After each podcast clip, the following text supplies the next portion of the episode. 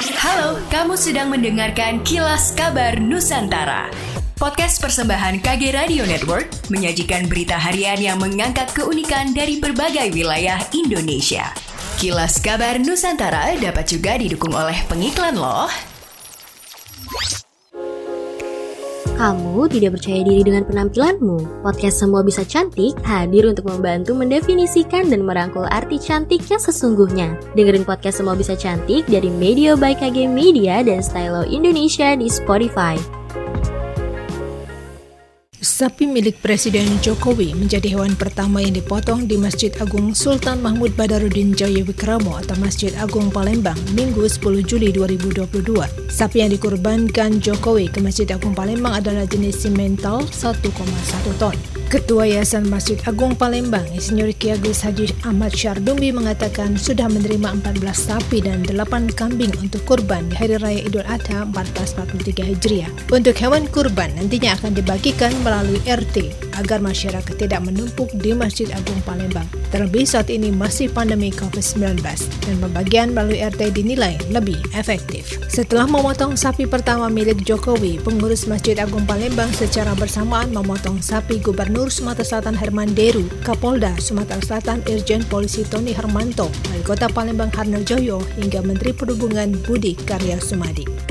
Sejumlah masjid di kota Makassar menggelar dua kali salat idul adha tahun ini. Salat id digelar hari Sabtu 9 Juli dan esoknya Minggu 10 Juli. Hal ini sekaitan adanya perbedaan penetapan Hari Raya Idul Adha 1443 Hijriah. Salah satu masjid yang menggelar salat id dua kali yakni Jamiul Iksan di Jalan Todopuli Raya, Kecamatan Panakukang, Makassar. Masjid itu sudah menggelar salat id pertama pada Sabtu pagi dan diikuti jemaah dengan hikmat. Salat berikutnya digelar minggu pagi dengan antusiasme yang sama. Pengurus Masjid Jamiul Iksan Basri menjelaskan pihaknya menggelar salat idul adha dua kali sesuai hasil kesepakatan dalam rapat. Salat id dua kali dianggap solusi adanya perbedaan pandangan soal penentuan tanggal 10 Zulhijjah 1443 Hijriah. Pemerintah menetapkan Hari Raya Idul Adha atau tanggal 10 Zulhijjah bertepatan dengan Minggu 10 Juli 2022. Namun sebagian masyarakat mengambil sikap berbeda, termasuk organisasi Islam Muhammadiyah yang menetapkan Idul Adha jatuh pada 9 Juli 2022. Sebelumnya Majelis Ulama Indonesia MUI Sulawesi Selatan dalam maklumatnya mengimbau masyarakat menyikapi perbedaan Hari Raya Idul Adha. MUI Sulsel memandang penetapan Idul Adha ini sama-sama benar karena menggunakan dua metode yakni Ruyatul Hilal dan Hisab. Keduanya berdasarkan Al-Quran dan hadis serta itihad para ulama.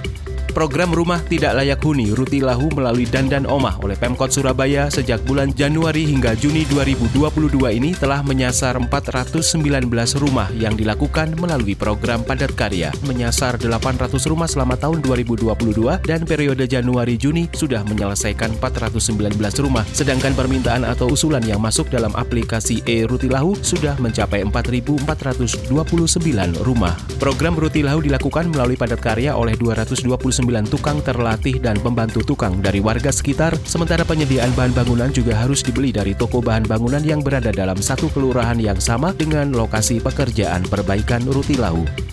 Demikianlah kilas kabar Nusantara pagi ini.